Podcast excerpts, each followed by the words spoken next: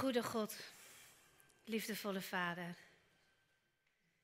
Heer, we willen u danken voor zoveel goeds in ons leven.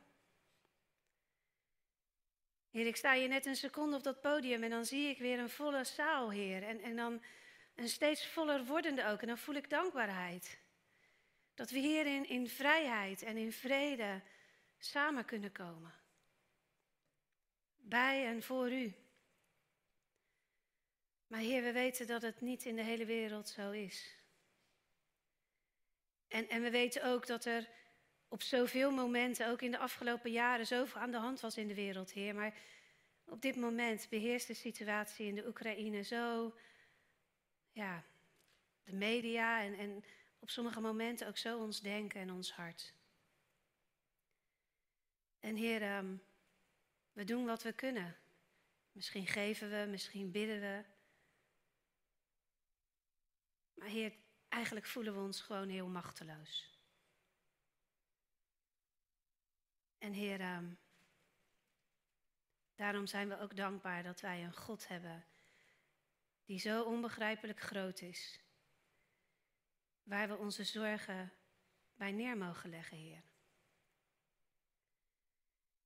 En Heer, we zijn u dankbaar dat u mensen gebruikt om de dingen te doen die wij niet kunnen. En we willen uw zegen voor hen vragen. Voor de mensen aan het front, Heer, de hulpverleners, de mensen die bereid zijn hun leven te geven om anderen te helpen. Heer, wees hen zo nabij. Bescherm hen. En Heer, als er iets is wat wij meer kunnen doen dan dat we doen, inspireer ons. Gebruik ons, Heer. Al is het maar in het hele, hele kleine. Maar Heer, voor dit moment, in dit uur, geven we het aan u. Heer, zodat we ook kunnen luisteren naar wat u ons vandaag te vertellen heeft. Heer, dat we ja, toch ook ons oog weer richten op de dingen die direct om ons heen gebeuren, om ons eigen leven en ons binnenste. Heer, we brengen het bij u. In het volle vertrouwen, Heer, dat u groter bent dan wij ons kunnen voorstellen. Dat u krachtiger en machtiger bent dan wij kunnen begrijpen. En Heer, met ons diepst verlangen dat uw liefde daar nieuwe wegen vindt en mensen met elkaar verbindt en bevrijdt van de oorlog. Heer, door uw geest, door uw zoon, bent u overwinnaar. Amen.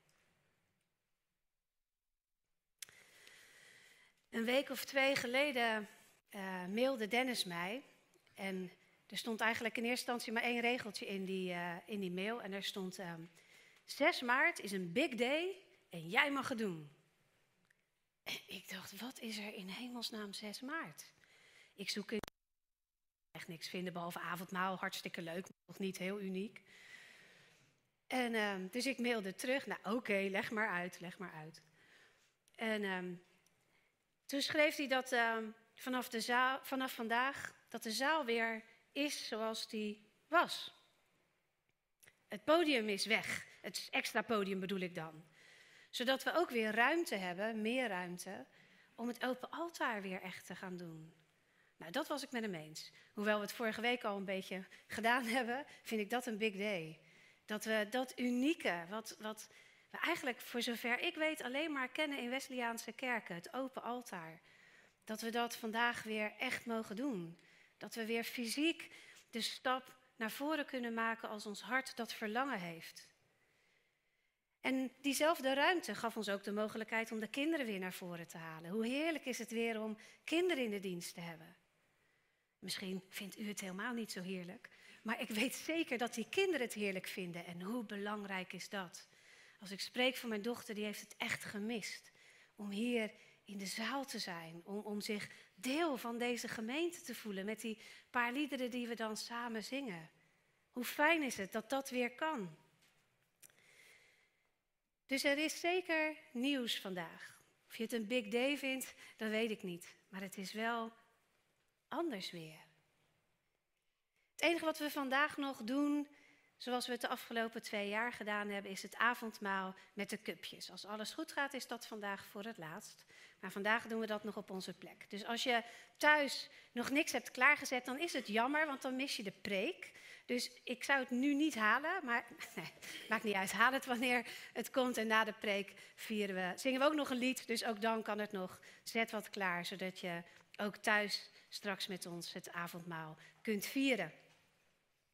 Maar goed, een big day, want we kunnen weer voor corona ook samen deden. En dat deed me terugdenken aan precies twee jaar geleden. Die eerste zondag in maart.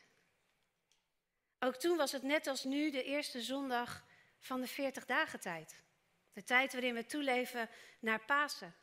En daar preekte ik ook over, die eerste zondag in maart. Niet hier hoor. En het had nog helemaal niets met corona te maken. We hadden nog geen idee. De eerste geluiden waren er al wel. In Brabant speelde zich van alles af. Je herinnert het je waarschijnlijk nog wel. En toen ik in de coronatijdlijn van de Rijksoverheid terugzocht, bleek vandaag precies de dag, 6 maart, dat het treurige nieuws kwam dat de eerste patiënt in Nederland overleden was aan het coronavirus. Maar we hadden nog geen idee. Het kopte echt nog niet in de kranten. Ik heb gezocht.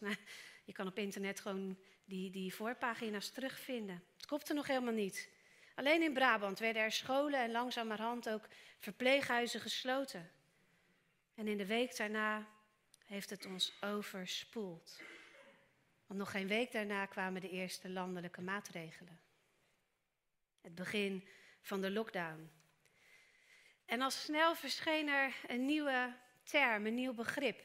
Het nieuwe normaal. Ik heb me daar in het begin echt met hand en tand tegen verzet. Ik weet nog zo goed dat Dennis het hier steeds over had en dat ik dat woord zou moeten gebruiken als ik preekte. En ik dacht, ik doe het niet. Ik wil het niet. Het nieuwe normaal.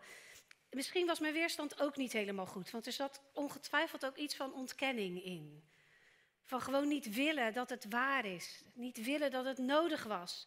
Maar het was ook een oprechte keuze om de situatie waarin we elkaar niet meer mochten aanraken, niet meer mochten knuffelen, niet meer bij elkaar mochten komen, niet samen mochten zijn, niet nabij konden zijn, om dat niet normaal te willen gaan noemen. En ik ben het ook nooit normaal gaan vinden en jij misschien ook niet, al ben je er wat aan gewend geraakt. En voor de duidelijkheid, ik wilde het wel doen, ik ging me er wel aan houden, maar ik wilde het niet normaal vinden. En tegen het einde van die maand maart in 2020 preekte ik hier ook.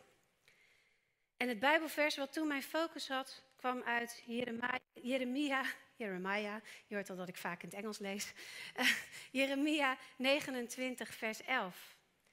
Mijn plan met jullie staat vast, spreekt de Heer. Ik heb jullie geluk voor ogen, niet jullie ongeluk. Ik zal je een hoopvolle toekomst geven. Ik had het vers gekozen omdat ik ons oog, onze focus op de toekomst wilde houden. De toekomst van morgen, maar ook die van voorbij de pandemie. De toekomst van morgen ging over God midden in die pandemie. De mooie initiatieven, de hulp, de solidariteit die er was, de nieuwe vormen van verbinding die we ontdekten. Daar wilde ik ons oog op houden. En op de toekomst van voorbij de pandemie, die nu langzaam in zicht komt. En ja, ik weet heus ook echt dat we er nog niet van af zijn. Niets van wat ik vandaag zeg wil daar onrecht aan doen. Ik weet dat er mensen zijn, gemeenteleden ook, die nog steeds of alsnog erg ziek zijn door corona. En ik weet ook van gemeenteleden en mensen daarbuiten die het zwaar hebben door long covid. En, en ons hart gaat naar jullie uit. Ik weet ook dat er zomaar weer een variant kan komen die ons terugbrengt bij af. Want risicoloos leven bestaat niet. Maar ook met het einde van de meeste maatregelen, het op adem kunnen komen van het ziekenhuispersoneel en het wegwerken van de, het beginnen aan het wegwerken van de achterstanden die daar zijn opgelopen. Mensen die weer naar hun werk kunnen, samenkomsten die weer mogelijk zijn. Dat was waar ik ons oog op wilde richten, op een hoopvolle toekomst. En nu zijn we daar. En nu is er die oorlog. Waardoor het eigenlijk weer helemaal opnieuw een daad van overgave is en vertrouwen is. Om ons oog weer op een hoopvolle toekomst te richten. Maar over de oorlog wil ik het vandaag niet verder hebben. Ik heb daar lang over nagedacht.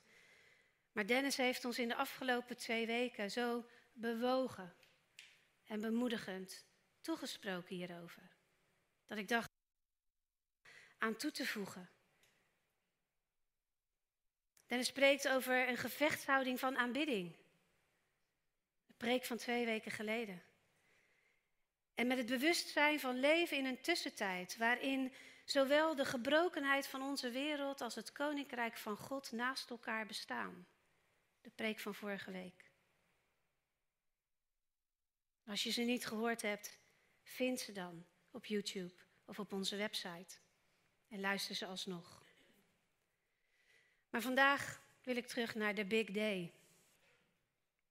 Het oude of het nieuwe van vandaag.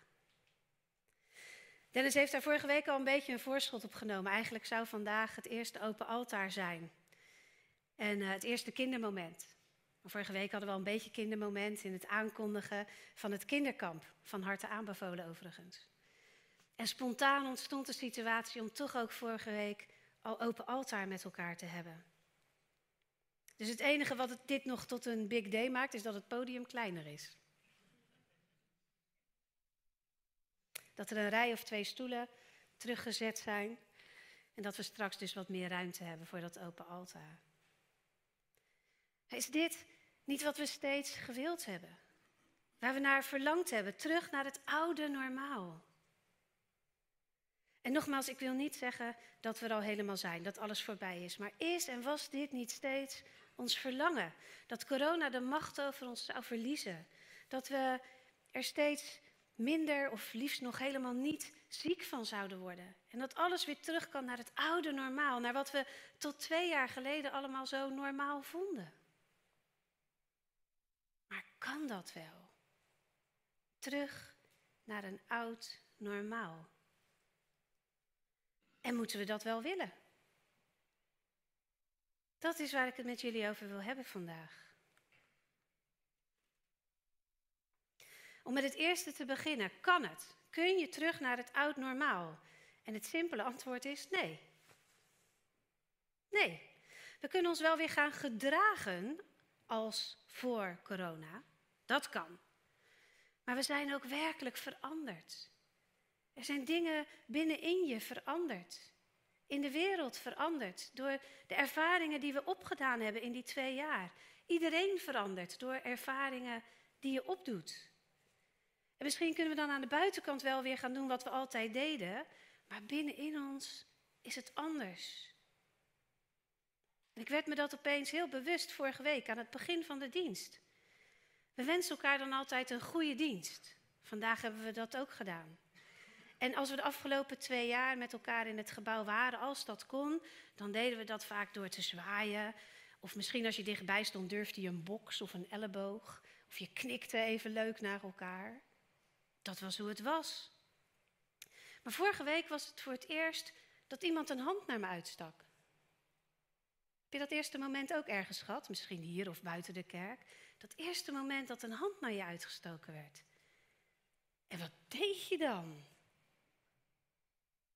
Nou, ik vind dat echt heel Ik kan dat niet weigeren hoor. Dus, dus als, die, als die hand uitgestoken wordt, dan heb ik hem.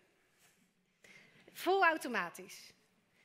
En eerlijkheidshalve, misschien vind je het niet goed van me, maar ik heb ook al een tijdje dat als iemand zo doet, ik zo die knuffel inloop. En toch is het niet het oude normaal. Want toen vorige week die handen hier en daar uitgestoken werden, voelde ook ik in mezelf: "Oh, kan dit, mag dit, wil ik dit al? Misschien maar een fractie van een seconde, maar ik voelde het wel. Jij ook? Zag ook de ongemakkelijkheid vanochtend een beetje van hoe doen we dat nou? Alex gaf geen instructie. dus hoe nou? Dus box, hand, elleboog, zwaaien. Ik wist niet eens meer zeker of ik mijn man mocht kussen. Ik maak geen grapje. We stonden echt even zo naar elkaar te kijken van wat doen we nou? Het is niet meer het oude normaal. Dus ik wil daar ook wel dit over zeggen. In het bewustzijn dat dat virus nog niet weg is en mensen er nog steeds ziek van worden, ga ik je echt niet vertellen of je wel of geen handen mag schudden en of je wel of niet mag knuffelen. Maar als dat wel jouw oude normaal is en jij daar zo makkelijk naartoe teruggaat, wil ik je wel vragen daar fijngevoelig in te blijven. De ander de ruimte te geven om het niet zo te doen. Zo vaak is me in de afgelopen tijd overkomen hè, dat die hand al uitgestoken was, of die armen al, nou, die armen eigenlijk al om me heen zaten en men zei: Mag ik je even knuffelen? En bij deze toestemming. Bij deze toestemming. Maar dat geldt niet voor iedereen en dat is oké. Jij weet niet wat de redenen in het leven van die ander zijn, waarom die ander nog lange tijd heel voorzichtig wil blijven. Voor zichzelf, een eigen gezondheid, een gezondheid van mensen om zich heen. Angst omdat ze het al een keer gehad hebben en het zo erg was. Geef de ander ruimte. En denk ook in de misschien wat ongelijkwaardigere situaties als je daarin komt. Ik vind in de kerk bijvoorbeeld al veel lastiger om een hand te weigeren dan daarbuiten. Of, of, dat is niet een ongelijkwaardige situatie, laat ik het goed zeggen. Misschien moet je solliciteren of komt iemand bij jou solliciteren. En, en steek jij je hand uit en jij wil die baan. Durft die ander die hand te weigeren? Ik weet niet in welke situatie je zo al komt, maar ik geef het je mee. Alsjeblieft, blijf fijn gevoelig. De afgelopen jaren hebben ons veranderd. Hebben dingen in ons veranderd. Op heel veel verschillende manieren ook. Niet alleen als het gaat om knuffels of handen. Maar misschien heb je mensen verloren. Misschien heb je financiële zorgen gekend die je nooit had verwacht. Misschien heb je je nog nooit zo alleen gevoeld. Misschien ben je het niet tussen mensen zijn zo gewend geraakt dat nu hierheen komen als een opgave voelt. Dat je bang bent dat de hoeveelheid mensen om je heen je angst geeft of onrust. Of dat je de hoeveelheid prikkels niet meer aan kunt. Misschien ben je te vaak en te lang alleen geweest met je eigen gedachten. Waardoor je voor de denkbeelden van een ander minder ruimte is gekomen. Maar ook positief. Misschien heb je de tijd die je over had door thuiswerken, niet meer in files staan of wat dan ook. Heb je die gebruikt om meer te lezen of te luisteren, om, om podcasts te luisteren, om, om te groeien, om een cursus te volgen, om meer stil te zijn, tot rust te komen? En heeft dat je binnenin veranderd? Het oude normaal bestaat niet meer, want jij bent veranderd. En dan wil ik het niet alleen over de situatie van corona hebben. Het is zo in het hele leven. Na elke ervaring die je hebt, ben je veranderd. Als er al iets normaal is, dan is het dat. Dat altijd alles verandert, van moment tot, tot moment. Zelfs als mensen krampachtig vast willen houden aan het oude, veranderen ze toch. Hun lichaam verandert, je denken verandert, je gevoelens veranderen, omstandigheden buiten je veranderen. Het hele leven is een proces van verandering. En ik hoorde, of lees wel eens, dat mensen een hekel hebben aan verandering. Als je ooit met fusies te maken hebt gehad, dan heb je dat vaak wel gehoord ergens. Mensen hebben een hekel aan verandering. Die houden er niet van. Ze zijn niet geschikt zelfs voor verandering. En ik geloof, terugkijkend op mijn leven, dat ik dat ook wel eens gedacht heb. Ik ben niet zo geschikt voor verandering. Maar het is niet waar. Je bent gemaakt voor verandering. Je bent gemaakt voor verandering. We zijn alleen bang voor de pijn die daar vaak mee gepaard gaat. Voor de onzekerheid die het met zich meeneemt. Dat vinden we moeilijk. Want verandering, iets nieuws, betekent ook het verlies van iets ouds. En dat doet soms pijn. Dat vinden we moeilijk. Zelfs als dat oude slechter was dan het nieuwe. In de Bijbel staat er zo'n bekend verhaal over. Ik ga het niet met jullie lezen, want als ik het even samenvat, herken je het wel. Het verhaal van het volk in Egypte. Ze leefden in slavernij. Echt veel slechter kon het niet. En ze werden gered door God in samenwerking met Mozes. En ze gingen, gingen het land uit, ze gingen naar hun vrijheid tegemoet. Dat was een verandering die ze wel wilden. Maar toen kwam de onzekerheid van de woestijn. Het oude was weg, maar het nieuwe, het beloofde land wat God hen had verteld, waar God hen over had verteld, dat was er nog niet. En in die onzekerheid gingen ze de pijn van het verlies voelen. Van wat achter hen lag. Het werd zelfs geïdealiseerd. Daar was het beter. Daar hadden we te eten, wisten we dat er eten was. Nou, ik kan me niet voorstellen dat ze echt heel fantastisch eten kregen als slaven. Maar het was er, dat was zeker. En, en die goden waren wel niet onze God, maar we kenden ze. Laten we dan maar weer een beeld ervan maken. Want dat voelt vertrouwd. Maar dat gaat niet over geen verandering willen. Dat gaat over afscheid nemen.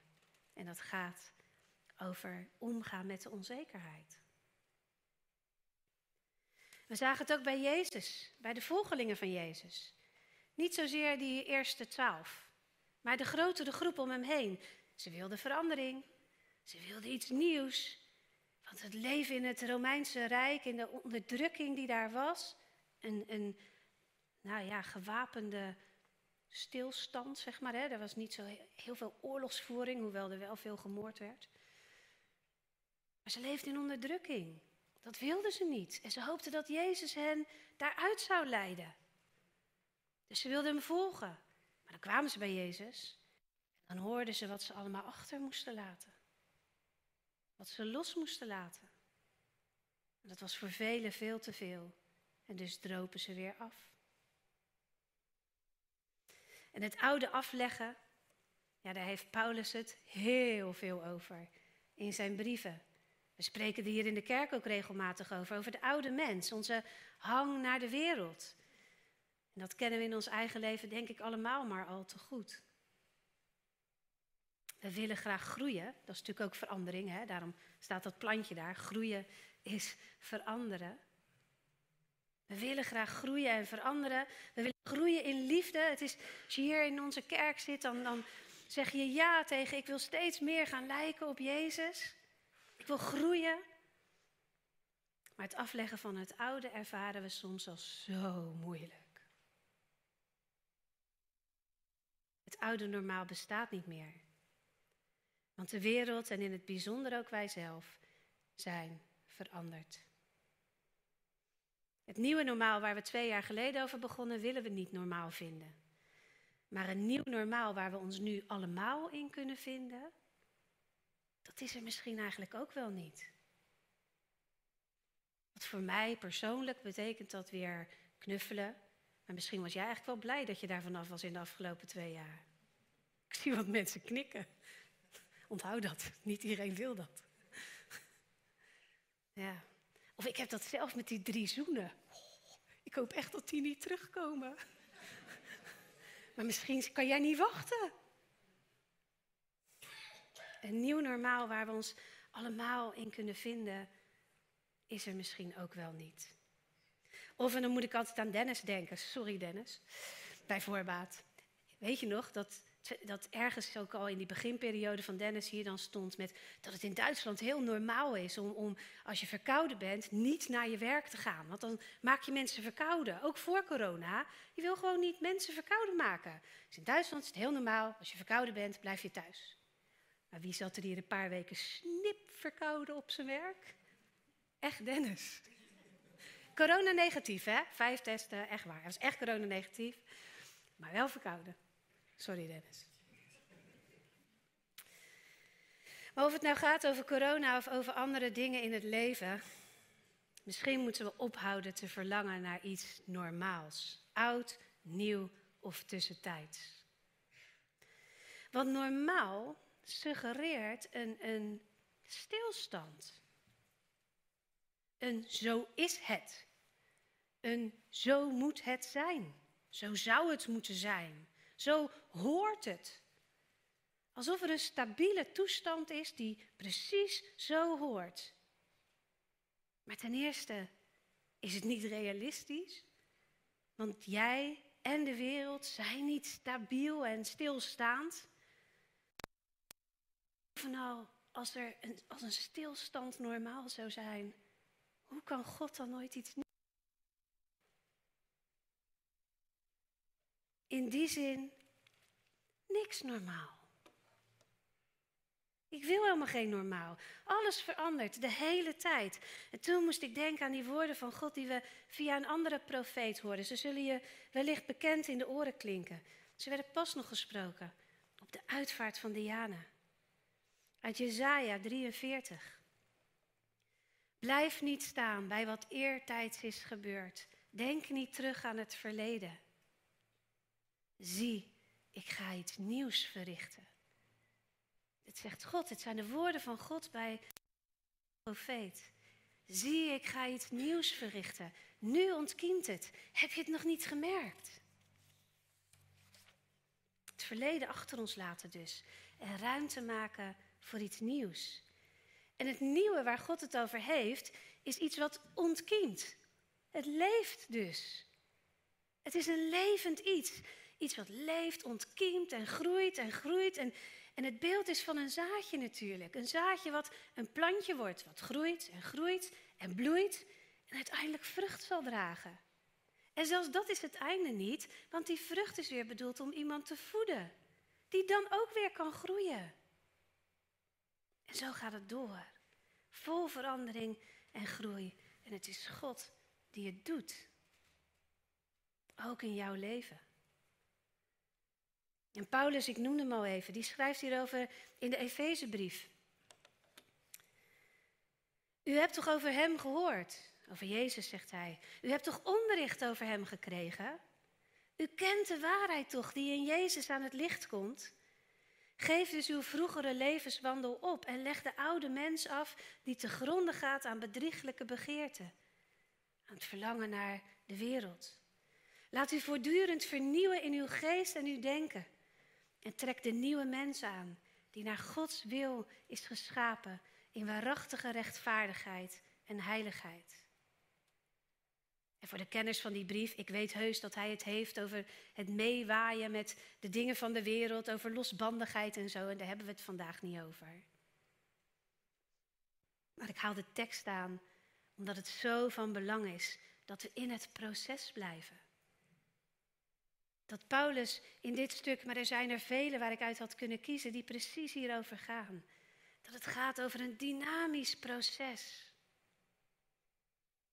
Ook Paulus erkent dat ook al hebben we onderwijs gehad, weten we van alles over Jezus. Door de preken die we gehoord hebben, door bijbelstudies die we gevolgd hebben, boeken die we gelezen hebben. Dat we toch blijkbaar steeds de neiging hebben om bij dat oude te blijven om er naartoe terug te verlangen. Omdat dat toch normaal was. En dat gaf zekerheid. En dan zou Paulus vast anders willen. Hij ziet die realiteit. Dat hij de mensen steeds opnieuw moet aansporen. Van laat het oude los. Laat u voortdurend vernieuwen. Want anders blijf je in het oude hangen en dat is niet goed voor je. Dat is niet wat God voor je wil. God houdt van je zoals je bent, maar te veel om je zo te laten, schreef Visje ooit.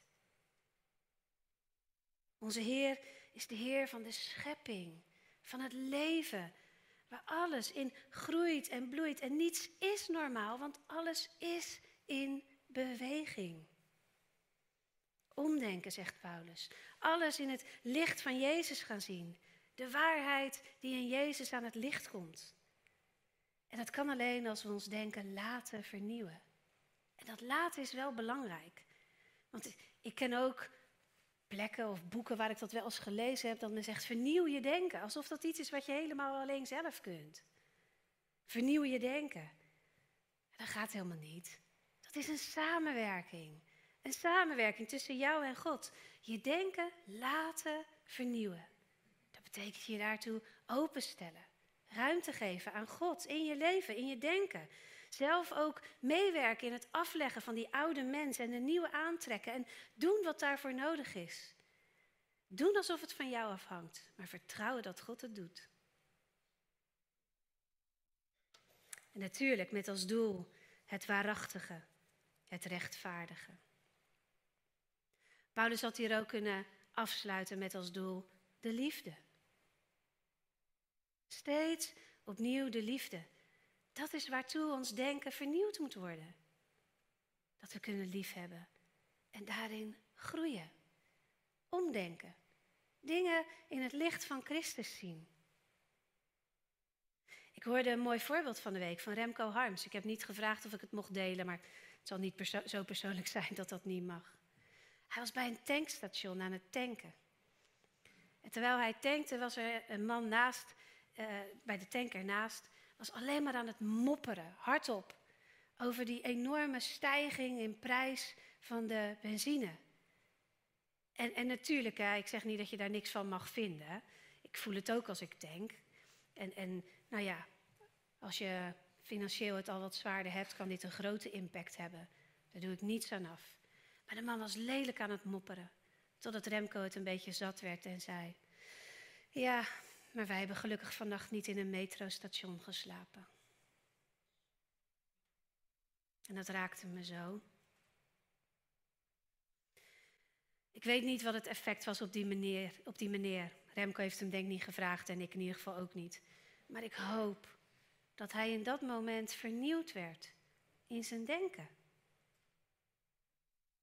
Dat hij even weg kon van het mopperen en zich kon keren naar medeleven met de mensen in de Oekraïne. Ik hoop dat hij iets van de liefde leerde. Dus nee, niet het normale. Voor Paulus is niets meer normaal. Zoals wij dan iets kennen van voor en na corona, kende hij iets veel belangrijkers. Voor en na zijn ontmoeting met Jezus. Alles was anders geworden, ook voor hem. En ook de gewoontes en de ideeën en de overtuigingen die hij van het oude wel wilde behouden, die waren er vast ook van voor zijn bekering, dat weten we ook. Maar ook daarvan zou hij zeggen, die staan nu in een ander licht. In een, in een ander daglicht is dan hier bij ons een uitdrukking, maar nee, in het licht van Christus. Zijn hele visie op het Oude Testament, wat hij zo goed kende, veranderde in het licht van Christus. En zo veranderen dingen in jouw leven als ze komen in het licht van Christus. Dus zo wil ik vandaag met jullie een nieuw begin maken. Niet alleen door hoe een kerkzaal eruit ziet in de dienst, maar vooral over wat er vernieuwd mag worden in jouw leven. Elk moment een nieuw begin. In elk moment ontkiemt er iets van God wat mag groeien en bloeien en vrucht dragen. Welke gedachten, denkpatronen of welk gedrag heeft jou of mij zo in de greep dat ik er vernieuwing in nodig heb? Waarin wil jij Christus ontmoeten? Misschien zijn het gedachten, angstige gedachten over de wereld of over jezelf.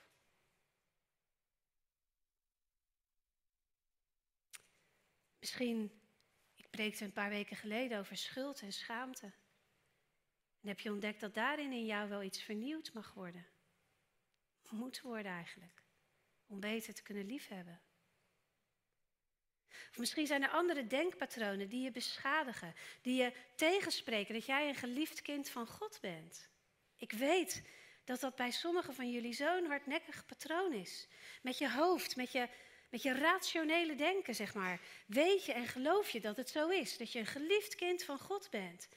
En toch blijf je die stemmetjes horen, die vernieuwd moeten worden.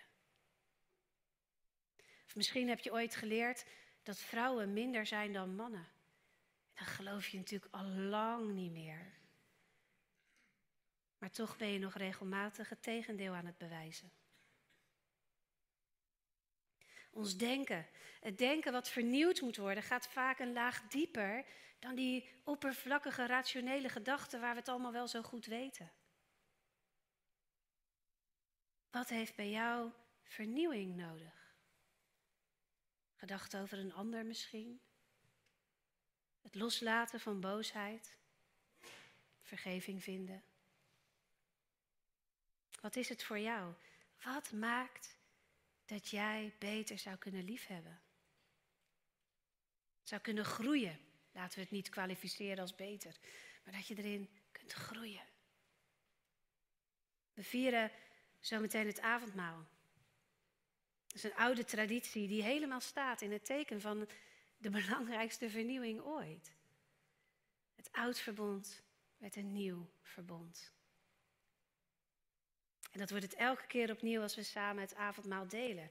Dus laat dat voor jou een nieuwe ervaring van Jezus liefde zijn. Ontmoet Hem daar. En wat verderop in de dienst mag je straks weer naar voren komen als je wil, naar het open altaar, knielen bij Jezus. Je mag daar alles brengen. Alles, ook de dingen die we nu helemaal niet besproken hebben. Alles. Je dankbaarheid, je vragen en je zorgen. En het is en het zal mijn gebed zijn dat je als een veranderd mens op mag staan. Of beter nog, als een veranderend mens. Want we blijven in proces. En als we vandaag uit elkaar gaan en ieder weer zijn of haar eigen weg gaat, dan bid ik je toe dat je in alle situaties deze week steeds opnieuw je denken mag laten vernieuwen. In elke situatie dat je daar niet de vergelijking met het oude zoekt. Niet met het verlangen naar normaal. Maar in het licht van Christus. Met als enig doel de liefde. En dan denk je misschien, hoe dan? Nou, het antwoord is eenvoudig in woorden. Maar het is niet meer mijn denken. Heer, laat mij zien wat u ziet. Heer, laat mij zien met uw ogen. Heer, vernieuw in mij. Laat uw licht schijnen op deze situatie. Kies de woorden die bij je past. Het hoeft maar één zin te zijn. Een half uur stille tijd voor te hebben elke dag. Mag wel. Maar al is het maar die ene zin. Zien wat u ziet. Schijn uw licht. En leid mij. Amen.